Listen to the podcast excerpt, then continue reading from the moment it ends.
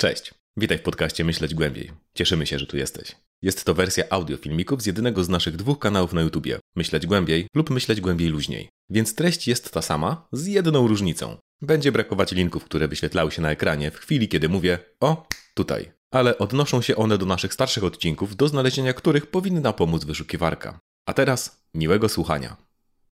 Zapewne spotkaliście się już z reakcjami na sławną akcję Just Stop Oil z rzucaniem zupy w galerii. Jeśli nie, spokojnie, zaraz wytłumaczymy. A potem spróbujemy odnieść się do pewnych zarzutów, które często się pojawiają i ogólnie pomówić o sensie aktywizmu.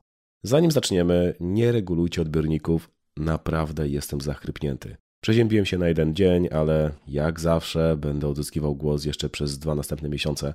No, ale cóż, materiał trzeba zrobić szybko, bo zupa stygnie. Będę wdzięczny za wszelkie dobre myśli, czy to tu w komentarzach, czy to na Patronajcie. I pamiętajcie, jeden like to jedna modlitwa za moje wyzdrowienie. Ok, więc witajcie na naszym drugim kanale. Zasubskrybujcie, jeśli jeszcze tego nie zrobiliście. Też zobaczcie nasz główny, jeśli go nie znacie. Ten materiał ląduje tutaj, bo jest bez wizualizacji. No dobra, z minimalnymi wizualizacjami. Ale również dlatego, że nie jest prezentacją pewnej koncepcji filozoficznej czy społecznej, jak to robimy na myśleć głębiej, a bardziej prezentacją naszych opinii popartych pewnymi doświadczeniami i pewną dozą badań. I tak, będziemy wychodzić z tezy obrony tej akcji, bo się z nią zgadzamy. A poza tym inaczej materiał byłby nudny i chłopsko-rozumowy. W tym tonie i tak pewnie wypowie się pewien znany inżynier robotyki. Końcówka będzie trochę bardziej stronnicza, ale to zaznaczymy. O co poszło i komu? W piątek 14 października 2022 roku dwie aktywistki z ruchu Just Stop Oil weszły do National Gallery w Londynie, wylały dwie puszki zupy pomidorowej na obraz Słoneczniki Van Gogha, po czym przykleiły się dłońmi do ściany w oczekiwaniu na aresztowanie. Wartemu 86 milionów euro obrazowi nic się nie stało. Ramię też nie, bo były zabezpieczone szybą. Dlatego został wybrany ten obraz. W oświadczeniu aktywistki spytały, co jest warte więcej, sztuka czy życie? Czy sztuka jest warta więcej niż jedzenie, niż sprawiedliwość? Czy ważniejsza jest dla Was ochrona obrazu, czy ochrona naszej planety i ludzi? Zwróciły też uwagę na problem ubóstwa energetycznego, przez co wielu ludzi w Anglii nie może sobie pozwolić nawet podgrzeć zupy, a w wyniku katastrofy klimatycznej nad wieloma regionami globalnego południa wisi widmo głodu. Just Stop Oil ma proste żądanie aby rząd Wielkiej Brytanii, zgodnie z konsensusem naukowym, zakończył udzielanie nowych kontraktów na wydobywanie paliw kopalnych. Symboliczny wybór też jest ciekawy. Zupa i obraz jako jedzenie kontra sztuka, ale też bogaty Andy Warhol i jego obrazy puszki zupy pomidorowej kontra głodujący i niedoceniany za życia buntownik i geniusz Van Gogh. I w tym wszystkim świat sztuki umoczony w biznesy wielkich korporacji i inwestujących w nią miliarderów. Gdyby sam Van Gogh był tam na miejscu, nie trudno domyślić się, po czyjej stronie by stanął. Dobra, to teraz pytanka. Co to miało być? Grupy takie jak Just Stop Oil korzystają ze strategii zwanej obywatelskim nieposłuszeństwem. Polega ona na łamaniu albo nieuczciwych praw, albo lekkim łamaniu prawa, aby naświetlić jakąś nieuczciwość. Taka osoba potem nie ucieka, tylko przyjmuje karę i wchodzi na drogę sądową. Najsławniejsze przykłady to Mahatma Gandhi w Indiach i Martin Luther King w USA. Strategia ta jest genialna w swojej prostocie. Jeśli prawo jest nieuczciwe, to po prostu to pokażemy.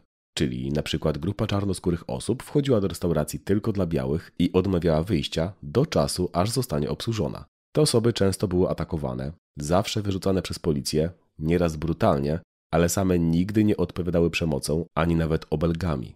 W tej strategii bezprzemocowość jest kluczowa. I to był potężny obraz. Osoby, które nikomu nie robiły żadnej krzywdy, były traktowane niczym brutalni przestępcy za zbrodnie siedzenia tam, gdzie nie powinny, nie sprawiały zagrożenia, nikogo nie krzywdziły tym siedzeniem, ale wobec nich stosowana była przemoc. Ta przemoc jednak obecna była zawsze. Ta akcja tylko ją ujawniła. Kiedy obywatel siedzi, może zostać spałowany, co zasiewało wątpliwość u oglądających. Czy na tym ma polegać porządek? Że atakujemy niewinne osoby za to, że nikogo nie krzywdzą, a tylko chcą lepszego świata? Tu działała zwyczajna ludzka empatia. Dobrze zaplanowana akcja tego typu ma właśnie wywołać u widza dylemat moralny. Okej, okay, te osoby łamią prawo, aby coś nagłośnić, ale tak w sumie to mają rację. zablokowały ruch uliczny, żeby pokazać, jak polskie koncerny paliwowe nic nie robią w sprawie katastrofy klimatycznej. Masa policji się z nimi rozprawia, bo złamali prawo i zablokowali ruch, czyli co? Ich zbrodnia jest większa niż szefów koncernów paliw kopalnych? Cenimy wyżej ruch uliczny niż naszą przyszłość? Czy ta cała policja nie powinna teraz łapać, no, groźnych przestępców? A może właśnie to robi? Może te osoby są groźnymi przestępcami, bo pokazują problem, który politycy chcieliby zatuszować?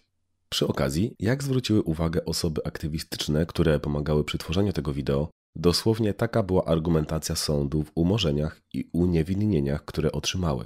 Prawo do protestu w słusznej sprawie jest ważniejsze od ruchu ulicznego, przede wszystkim kołowego. I tutaj możecie sobie zatrzymać to wideo, aby przeczytać sobie ten fragment na spokojnie. Czy aktywiści tworzą podziały? To często słyszeliśmy. Ach, ta akcja spolaryzowała ruch jak nigdy wcześniej.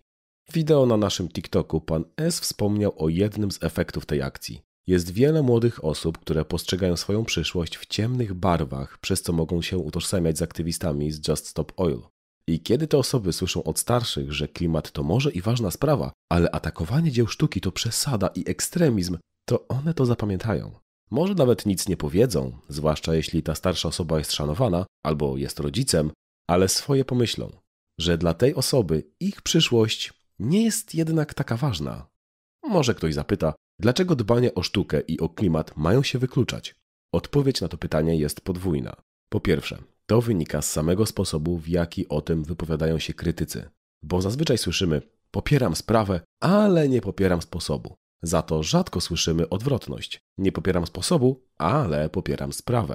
To pierwsze zdanie implikuje jednak brak poparcia. Po drugie, mainstreamowi politycy mówią, że aktywiści kreują konflikty. O, że ta tęczowa młodzież teraz robi zamieszanie i domaga się nie wiadomo czego. A kiedyś to było dobrze. Tylko nie, nie było dobrze. Po prostu zło nie było widoczne. I to jest właśnie rola aktywistów. Wystawienie na światło dzienne konfliktów, które wcześniej były zamiatane pod dywan i traktowane jako normalność. Akcja ze słonecznikami doskonale to naświetliła, że nie, nie możemy naraz dbać o sztukę i o klimat, bo ta symboliczna akcja, w której nikomu nic się nie stało, wzbudziła ogromne ilości gniewu. Nieporównywalnie większe niż to, że przyszłość młodych każdego dnia jest bezpowrotnie niszczona. Na pytanie aktywistek, czy sztuka jest ważniejsza od życia, z wielu ust padła jasna odpowiedź: jest. A najważniejsze jest to, że my żyjemy sobie stabilnie i spokojnie, a oni, te dzieciary, są zdane same na siebie. Jakikolwiek zamach na naszą normalność i codzienność, który spowoduje niedogodności dla kilkudziesięciu osób w galerii, to wywołujący gniew radykalizm i ekstremizm. A nowe koncesje na wydobycie paliw kopalnych? A, no to normalność. Nie ma co na to się wkurzać. Bo co panie zrobisz? Będziesz czegoś od polityków wymagać? Oczywiście były też głosy wsparcia, często bardzo silne.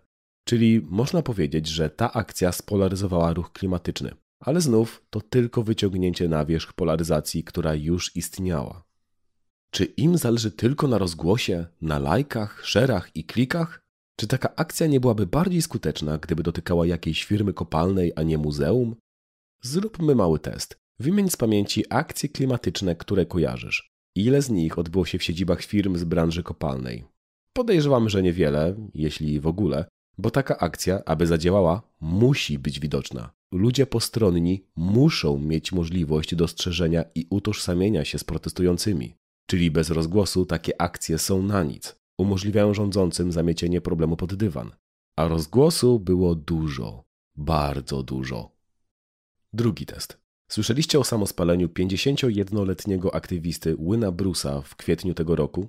Czy dowiedzieliście się, tak jak my, dopiero teraz w wyniku rozgłosu akcji z zupą? Więc rozgłos daje uwagę nie tylko tej jednej akcji, ale również pozostałym. W tej kwestii Just Stop Oil to genialna nazwa organizacji, bo już w niej zawiera się postulat.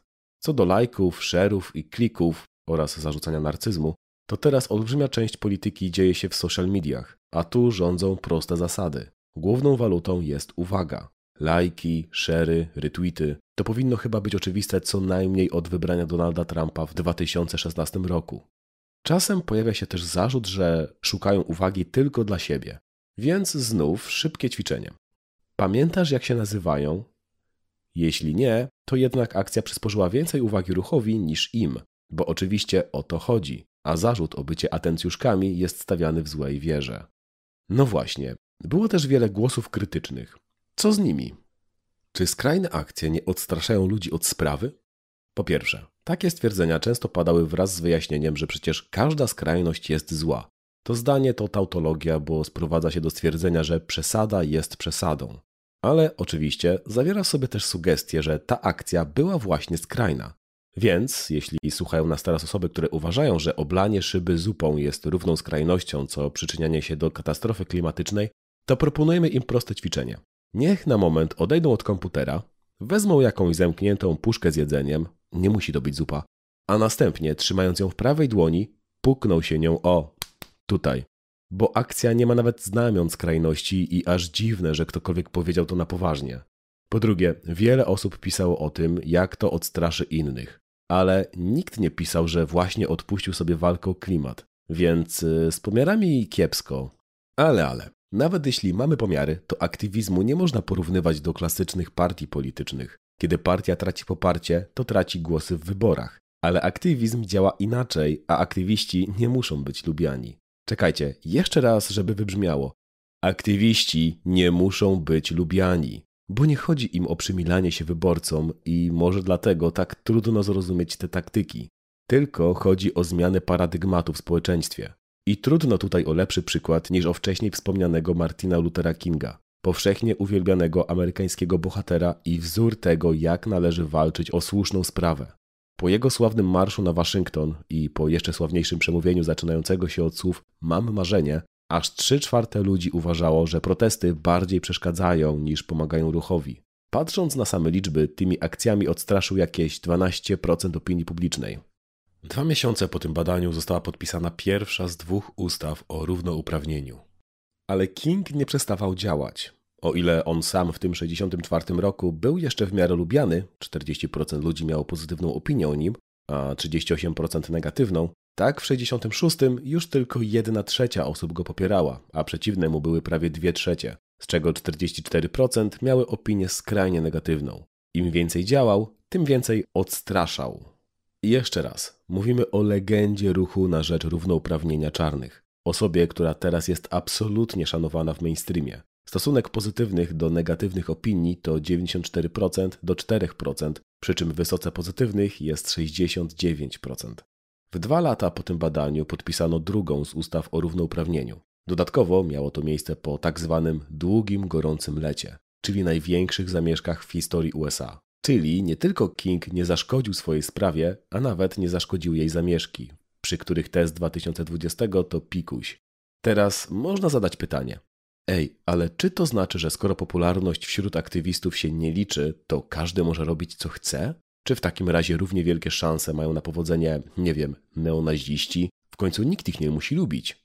Na pierwszy rzut oka widać, że coś tu się nie klei.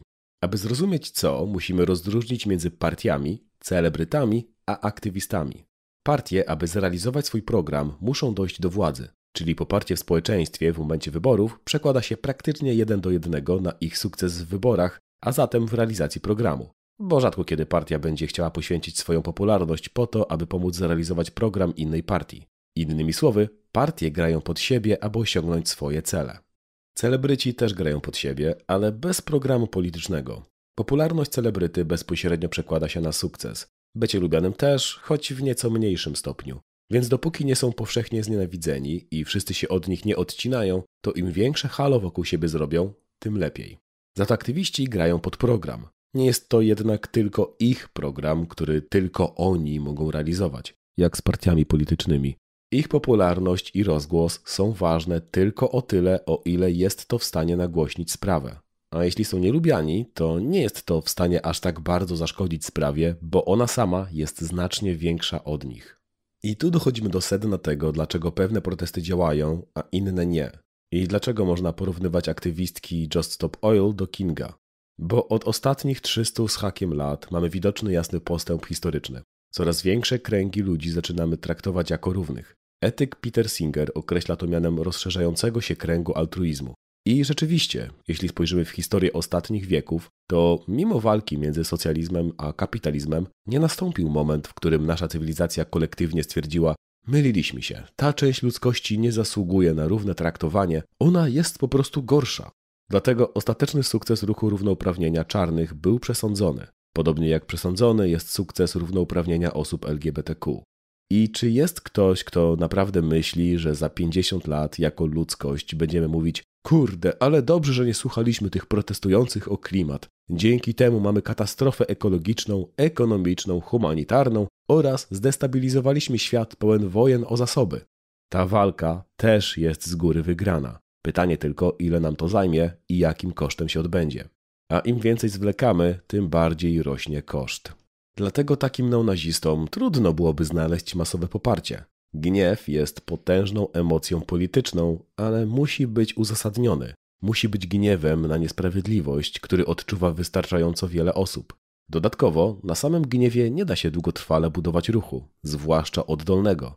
Na miłości, empatii, zrozumieniu już tak, bo ona przyciąga inny typ ludzi, a dokładniej wiele typów ludzi. Sukces ruchu polega na jego różnorodności i działaniu na wielu szczeblach, nie tylko na byciu żołdakami. Żołdacy szybko zaczną kłócić się między sobą, albo nie będą w stanie zapewnić sobie zaplecza, albo nie będą mogli porozmawiać z ludźmi na ulicy. Są dziesiątki problemów, z którymi nie jest w stanie poradzić sobie ruch zagniewanych mężczyzn z jakimś odsetkiem zagniewanych kobiet.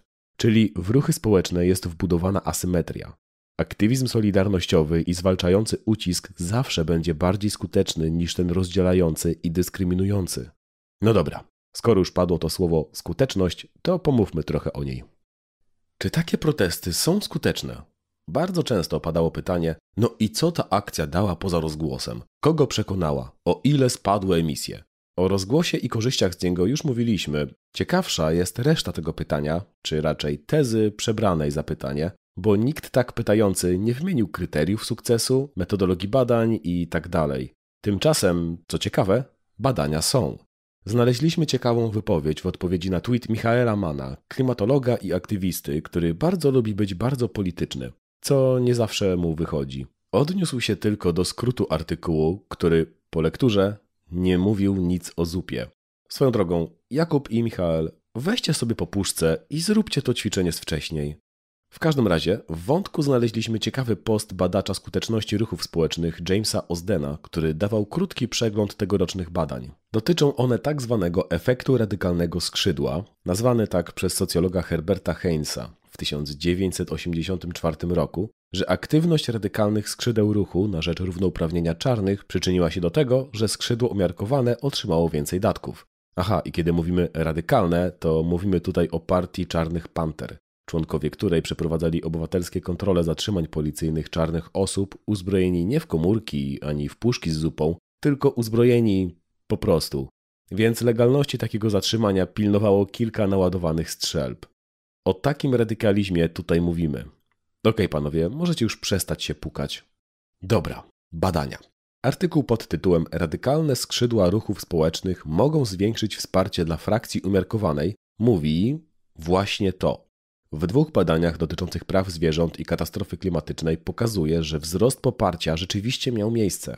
Co ciekawe, ten wzrost nie wynikał z tego, że druga grupa miała bardziej radykalną agendę, a z tego, że stosowała bardziej radykalne taktyki. Przez radykalne autorzy mieli na myśli blokadę ruchu ulicznego, wybijanie szyb w siedzibach firm, wypisywanie w nich sprayem kłamcy i wstyd, rzucanie kamieniami i butelkami w samochody pracowników, rozlewanie przed siedzibami firmy mięsnych krwi i wnętrzności zwierząt zabitych w farmach przemysłowych albo namawianie do przemocy wobec ich właścicieli, czyli też niszczenie mienia i nawoływanie do przemocy przeciw konkretnym osobom. Znów trochę bardziej radykalne niż nasze aktywistki Just Stop Oil. Okazało się, że takie taktyki nie odstraszają ludzi od słusznej sprawy, jeśli tylko mają się ku komu zwrócić. Tyle badania w dość ograniczonym i konkretnym zakresie. Wiemy, jaki rodzaj akcji działa i że radykalne skrzydło jest pomocne. Ale czy można zmierzyć aktywizm w ogóle? Naszym zdaniem, wchodząc już w filozofię polityki, raczej nie. Na zmianę społecznego postrzegania jakiejś kwestii nakłada się wiele niezależnych procesów, więc ostatecznie sens aktywizmu sprowadza się do tego, czy uznajemy sprawę za tego wartą. Trendy mogą być naprawdę nieprzewidywalne. Akcja wkurzy masę osób, ale przekona kogoś, kto stanie się kluczowy dla ruchu. Albo odpali światowego virala, jak ta zupa, albo da wodę na młyn przeciwnikom. Czy oni zrobią z nas ekoświrów? Brytyjski ruch Extinction Rebellion od 2019 co roku przeprowadzał masowe fale akcji. Dziesiątek, jeśli nie setek, w okresie tygodnia czy dwóch. Tymczasem nadspodziewanie często słyszymy tylko o jednym wydarzeniu z takiej fali z 2019. Akcji, w której dwie osoby zablokowały pociąg metra. Oczywiście ktokolwiek, kto zada sobie minimum trudu przeczytania wyjaśnień, dowie się, że to akcja oddolna, zorganizowana przez małą grupkę osób. Ale nie oszukujmy się, jeśli czytasz gdzieś o XR i przytaczana jest ta jedna akcja sprzed trzech lat, to wiesz już, że chodzi tylko o obrzucanie błotem. Błoto to jedno, ale to w sumie klasyk w polityce. Jak mówiliśmy na początku, nieposłuszeństwo obywatelskie działa dzięki empatii. Osoba postronna widzi aktywistów walczących o słuszną sprawę, ich dysproporcjonalne traktowanie i czuje się niekomfortowo, bo mimo łamania prawa bardziej utożsamia się z aktywistami. Więc jeśli chce się zwalczać ruchy aktywistyczne, należy albo uniemożliwić im rozgłos, albo zerwać tę więź, czyli pokazać tych aktywistów jako kogoś innego. Czyli młode, rozhistoryzowane dziewczęta, atencjuszki szukające sławy tylko dla siebie, gówniarzeria bez szacunku dla sztuki, aktywista, odklejony atencjusz z wyraźnym deficytem empatii i poczucia obciachu, uzależniony od robienia z siebie ofiary, nastawiony na aneksję i monetyzację cudzych traum, typowy narcyz wrażliwy z syndromem Jezusa Chrystusa, zrzutkowicz, youtuber, klasyczny przedstawiciel klasy średniej. Cytując komentarz do tej sprawy politologa Przemysława Witkowskiego. Po tym, jak już osoby zostały pokazane jako ktoś inny, należy jeszcze koniecznie dodać, jak skandaliczne i głupie było to działanie. Choć gdyby rzeczywiście tak było, wystarczyłoby napisać zgodnie z prawdą, że żaden obraz nie został zniszczony. Zazwyczaj jednak ta uwaga pojawia się gdzieś na końcu, jeśli w ogóle. I wreszcie fejki. W tym najsławniejszy, dzielony również przez osoby lewicowe, jakoby to była akcja lobby paliw kopalnych, aby ośmieszyć aktywistów. A dowodem na to miało być pół miliona dolarów przekazane im przez spadkobierczynię rodziny naftowej Eileen Getty. Tymczasem te pieniądze pochodziły ze spadku, były użyte tylko, aby rozkręcić fundację Climate Emergency Fund. Dodatkowo, takie sponsorowanie nie ograniczało w żaden sposób antysystemowości licznych ruchów, które je otrzymywały. Dyrektorka Margaret Salamon mówiła nawet wprost w wywiadzie dla Guardiana: Opłacamy tylko rekrutację, trening, personel organizacyjny i kluczowy oraz legalne protesty. To, że część z tych grup wchodzi w twardsze nieposłuszeństwo obywatelskie, to ich własny wybór. Uważamy, że z perspektywy historycznej i socjologicznej skuteczność tych metod jest potwierdzona i podziwiamy odwagę tych grup. Twierdziła też, że nie wymagają, aby fundowane przez nich ruchy stonowały protesty i krytykę, oraz że na przykład Scientist Rebellion bezpośrednio wzywa do dewzrostu. Niestety to zadziałało. Te narracje były powtarzane nie tylko wśród komentatorów prawicowych czy wspierających paliwa kopalne, ale również po lewej stronie wśród ekologów i choć najmniej, przez innych aktywistów. Dlaczego? Czy jeśli je zgnoimy razem z wami, to zaczniecie nas szanować? To trudne pytanie i tu zaczyna się też stronnicza końcówka. Z osobistych doświadczeń pana S. Nie. Każda akcja, w której brał udział, zawsze spotykała się z narzekaniem, że jest zbyt radykalna, że przeszkadza ludziom i że ich zniechęca, nawet jeśli były to happeningi i rejestrowane demonstracje. Nasuwa się smutny wniosek. Szanować nas będą dopiero w czasie, gdy nasz aktywizm przestanie mieć znaczenie, bo zwycięży, kiedy będzie w całkowitej większości. Wystarczy spojrzeć na postać Grety Thunberg. Nie rozlewała żadnej zupy, niczego nie blokowała, tylko siedziała sobie na chodniku, a potem przemawiała. I co? Chyba pamiętacie te tony pomój wylewane na nią ze wszystkich stron. Grzeczność jej nie pomogła. Ciekawe, czy teraz usłyszymy zmiany zdania, że ona jednak jest w porządku, a przynajmniej nie jak tamte. Teraz jednak przechodzimy do najbardziej skomplikowanego elementu. Co ma zrobić skrzydło umiarkowane? To pytanie postawiło pierwsze z tych opisywanych wcześniej badań. I choć samo nie udzieliło odpowiedzi, sugestią było krytyczne poparcie, czyli że skrzydło umiarkowane powinno strategicznie naświetlać pewne akcje skrzydła radykalnego. Odcięcie się od niego powinno w teorii przynieść poparcie, badanie jednak nie dotyczyło tego tematu. Tu sprawa jest jeszcze bardziej skomplikowana, bo ważne jest nie tylko poparcie osób postronnych, ale i samych aktywistów. Tu mamy pewne dane, praktyczne i smutne. Facebookowy profil proatomowy Zielony Atom, powiązany z proatomową grupą Fota for Climate, zamieścił takiego posta. Po 10 minutach zamieścił też sprostowanie, że obraz był za szybą, co nie zmienia faktu, że rozlewanie zupy w muzeum jest niewłaściwe. Pomijając już próbę przepchnięcia tej nieprawdziwej emocjonalnej narracji i najniewyraźniej niezdolności odróżnienia osądów moralnych od faktów, to w treści posta znajdujemy wszystko to, o czym dopiero co mówiliśmy. To właśnie dzięki takim działaniom w opinii publicznej słowo ekolog stało się równoznaczne z chuliganem, włamywaczem i awanturnikiem. Dzięki temu zwykły Kowalski myśli, że ekologia to zbiorowisko oszołomów i nie traktuje poważnie zmian klimatu, bo myśli, że to tylko wymysł jakichś świrów. Reakcja w komentarzach była mocna. Pojawiła się silna polaryzacja. Zdecydowana większość aktywistów spoza samej tej grupy była przeciwna. Zdecydowana większość osób popierających nie wyglądała na aktywistów. Można powiedzieć, że to sukces, że wyjście z bańki się udało. Tylko jakim kosztem? Czy zrażenie do siebie aktywistów było warte gniewnych komentarzy osób postronnych? I czy te osoby postronne postanowią się teraz zaangażować w działania proklimatyczne?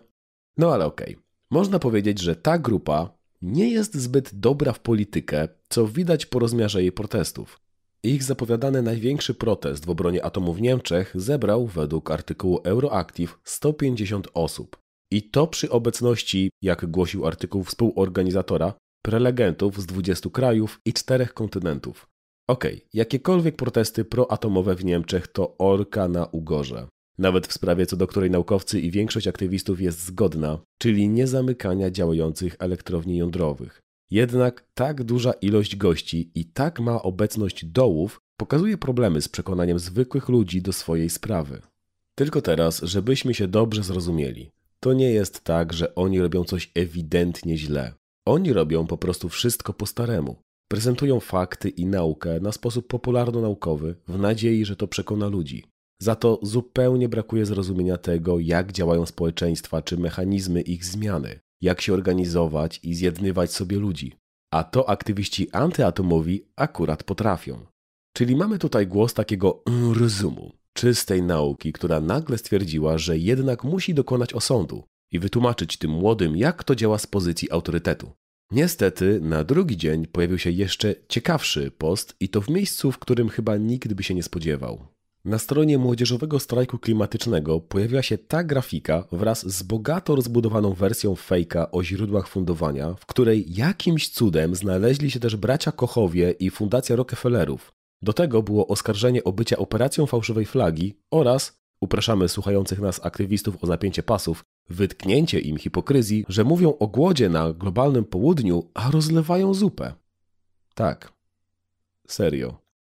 Wyjaśnienie dla osób nieaktywistycznych. Na każdej akcji znajdzie się ktoś, kto uzna, że zaora wszystkich, wypominając, że mają telefony z plastiku albo torby z winylu, a niby są przeciwko wydobyciu ropy.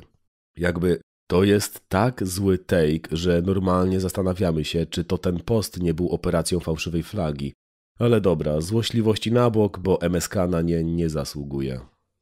Post znikł po około 4 godzinach i potężnym oburzeniu aktywistów w komentarzach o wiele większym niż w poprzednim przypadku i bardziej z wydźwiękiem niedowierzania.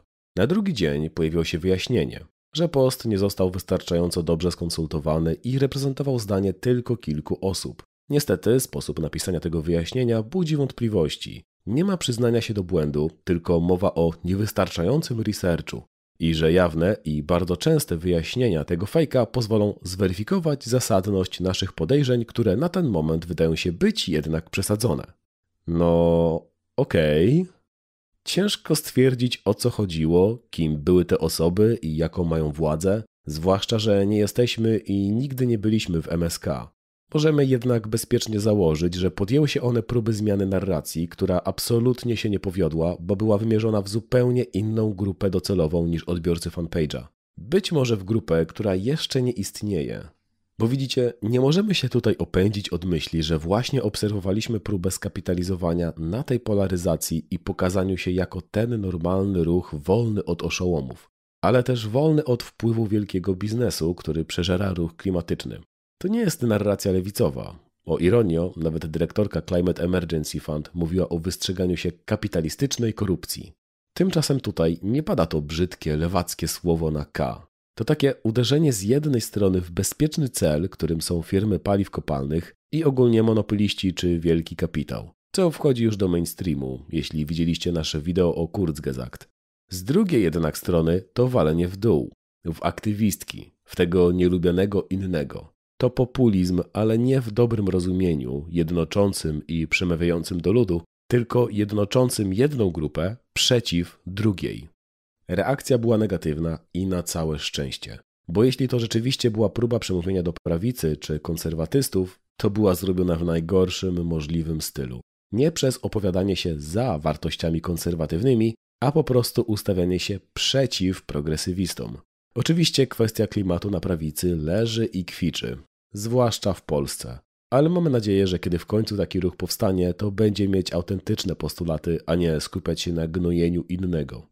Bo to już nie jest ekokonserwatyzm, tylko eko coś innego. I oby pojawiło się jak najpóźniej. Drugi artykuł, Konstruktywne zaburzenia systemu, badanie efektywności bezprzemocowych, kolektywnych działań nienormatywnych, jest niestety za paywallem, ale można przeczytać wnioski. A mówią one, że odpowiednio zorganizowane działania zaburzające codzienne funkcjonowanie, jak blokady ulic, są znacznie skuteczniejsze w zmienianiu zdania opinii publicznej od zarówno klasycznych marszy czy demonstracji, jak i akcji z użyciem przemocy. Czyli no dokładnie to, czym się zajmuje XR oraz Just Stop Oil. Update na świeżo, zapytaliśmy też MSK przez Facebooka na priv, czy mają coś do dodania. Przekazali informacje od osób, które pisały posta. Przykro im, że dały się ponieść emocjom. Krytyka tej akcji odbiła się również na nich, dlatego odcięły się od tej praktyki, chociaż teraz uważają, że mogły to zrobić bez atakowania i insynuacji wobec Just Stop Oil. A już od nas, jeszcze raz, żeby wybrzmiało, nie analizujemy tutaj ruchu, tylko pojedynczy odpał grupki osób. I on jest tylko interesującym przykładem dla tego wideo, ale nie czymś, co rzutuje na całość MSK. Co nam z tego? Czyli koniec dziadocenu. Jedną z osób, które zabrały głos w temacie, była współpracowniczka nauki o klimacie Anna Sierpińska i przywołała pewien piękny neologizm, który wyrósł przy okazji protestów strajku kobiet dziadocen. Dziadocen to oczywiście gra słowna na temat antropocenu, czyli postulowanej epoki geologicznej, kiedy to człowiek stał się największą siłą formującą system ziemski. Kulturoznawczyni Magda Szcześniak definiuje dziadocen jako Chciałabym więc zaproponować roboczą definicję dziadocenu jako epoki dominacji osób, bez względu na wiek, czerpiących korzyści ze wspieranego przez siebie patriarchalnego, rasistowskiego i neoliberalnego statusu quo, maskowanego jako bezalternatywny, normalny porządek świata. Dziadocen byłby zatem epoką dziadersów, osób zazwyczaj starszych, które może i chcą dobrze, ale też przede wszystkim chcą normalnie, stabilnie, tak jak było. To nie tylko wszystkie Kaczyńskie i Czarnki, a również Tuski, które w kwestii równych praw dla osób LGBTQ mówią, że nie są tęczowymi rewolucjonistami, czy owsiaki, które nie są wariatami mówiącymi, że aborcja ma być na pstryknięcie. Tu nie chodzi o czepianie się słów, tylko o to, że one pokazują pewne naturalne podejście, że przecież wszyscy się z nami zgadzają. A jak pokazała burza po tych dwóch odpowiedziach, zdecydowanie tak nie było. Podobnie jak ta akcja pokazuje zmierzch dziadocenów w obronie klimatu, czy to post Zielonego Atomu z narracją tak dziadocenową jak to możliwe, czy MSK przeznaczony najwyraźniej dla młodych dziadersów, nie przeszły. Polityka bycia szanowanym zaczyna przegrywać z realnym, egzystencjalnym zagrożeniem. Jak mówiliśmy w naszym wideo o antropocenie, o, tutaj, ekologia w starym rozumieniu, jako człowieka pochylającego się nad biednymi zwierzątkami czy roślinkami, przestała istnieć. Teraz musimy nauczyć się żyć w zaburzonym systemie ziemskim, a to wymaga myślenia globalnego, całościowego i jednak politycznego. A to ostatnie dziadersom jednak nie w smak, bo oni nie chcą zajmować się polityką, tylko ratowaniem przyrody. A politykę to zostawmy politykom. Za to wszystkie te młode ruchy powstały od 4 do 5 lat, mają właśnie tego dość. Obserwowały na własne oczy i na własnej skórze, jak kończy się pozostawianie polityki politykom i utrzymywanie normalności, coraz większym przykręcaniem śruby, ulgami dla wielkiego biznesu i rozkładaniem rąk przed wyborcami. Bo wiecie, nie ma alternatywy dla żarłocznego kapitalizmu, dla kolejnych zezwoleń na wydobycie paliw kopalnych, dla pozostawienia w pandemii obywateli samych sobie. Grzeczne protesty klimatyczne nic nie dały. W końcu w Kanadzie nawet sam premier brał udział w proteście przeciwko e, swoim rządom i niestety nawet on nie był w stanie zmienić e, własnego zdania w sprawie rozszerzenia rurociągu Keystone XL. Tak, tak było. Nowe ruchy mają gdzieś bycie szanowanymi, bo widzą, że cokolwiek zrobią, nie będą szanowane. Generalnie mają też dość rozmów z fajnymi politykami, bo używają ich do lansowania się w social mediach. Stąd koniec dziadocenu. Czy to rzeczywiście narodziny jakiejś nowej polityki prowadzonej przez młodych, jak powstanie nowej lewicy w latach 60.? Oby.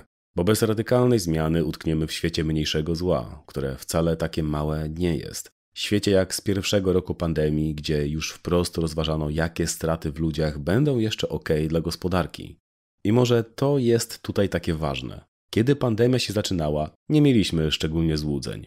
Ale my wychowaliśmy się w epoce neoliberalnego zamiatania przegranych transformacji pod dywan i nie potrafimy sobie wyobrazić tego, jak muszą czuć się osoby, które wchodząc w dorosłość codziennie czytały raporty o tysiącach zgonów, a potem słuchały polityków, którzy mówią, że jest super i radzimy sobie świetnie. Te osoby od razu zobaczyły nagie podstawy polityki odarte z pozorów normalności. I mają świadomość, że kiedy klimat przyciśnie, to one i ich bliscy kiedyś też mogą się znaleźć po niewłaściwej stronie. A klimat przyciśnie na pewno. Było jednak też trochę dobrych wypowiedzi, z których czasami korzystaliśmy. Zamieszczamy linki do nich na dole. Pocieszające, że od osób w różnym wieku, choć zabawnie swoje poparcie okazał profesor Szymon Malinowski. Swoją drogą, w bardzo dobry sposób nie zgodził się na łamach wyborczej publicysta przyrodniczy Robert Jurszo, używając ale dokładnie w taki sposób, jak trzeba. Okej, okay. i co teraz? Przede wszystkim jesteśmy optymistami, choćby dlatego, że, jak niedawno usłyszeliśmy od mądrego człowieka, że nic innego nie ma sensu. Kiedy zrezygnujesz z optymizmu, i tak musisz nadal walczyć. Po prostu wtedy walczysz w złym nastroju. A wraz z nami tworzą się nowe ruchy klimatyczne, które uczą się na błędach starych, również w Polsce. I to nie są osoby startujące od zera, tylko takie, które pozjadały sobie zęby na aktywizmie w tych poprzednich. Tak chociażby mamy Extinction Rebellion Youth i świeżutki ruch sprawiedliwości klimatycznej. Linki w opisie. Bo, jak zawsze, najlepszym i sprawdzonym lekarstwem na poczucie bezsilności wobec klimatu jest aktywizm.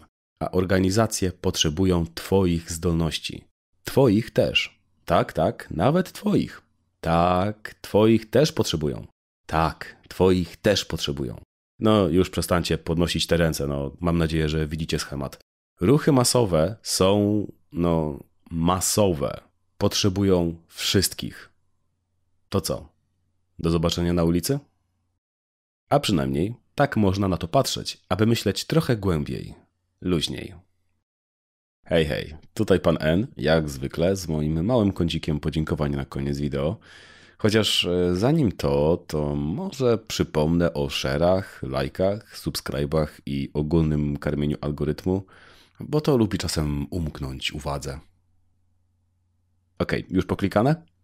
No, to dziś zaczniemy od gorących podziękowań dla osób aktywistycznych e, B i M, które służyły konsultacjom podczas tworzenia tego scenariusza. Bardzo Wam dziękujemy. Naprawdę super, że znaleźliście czas dla nas. E, chciałbym tutaj też tak powiedzieć, że w opisie znajdziecie listę różnych nowych, ciekawych ruchów klimatycznych, do których możecie się dołączyć, które pan S własnoręcznie wybrał.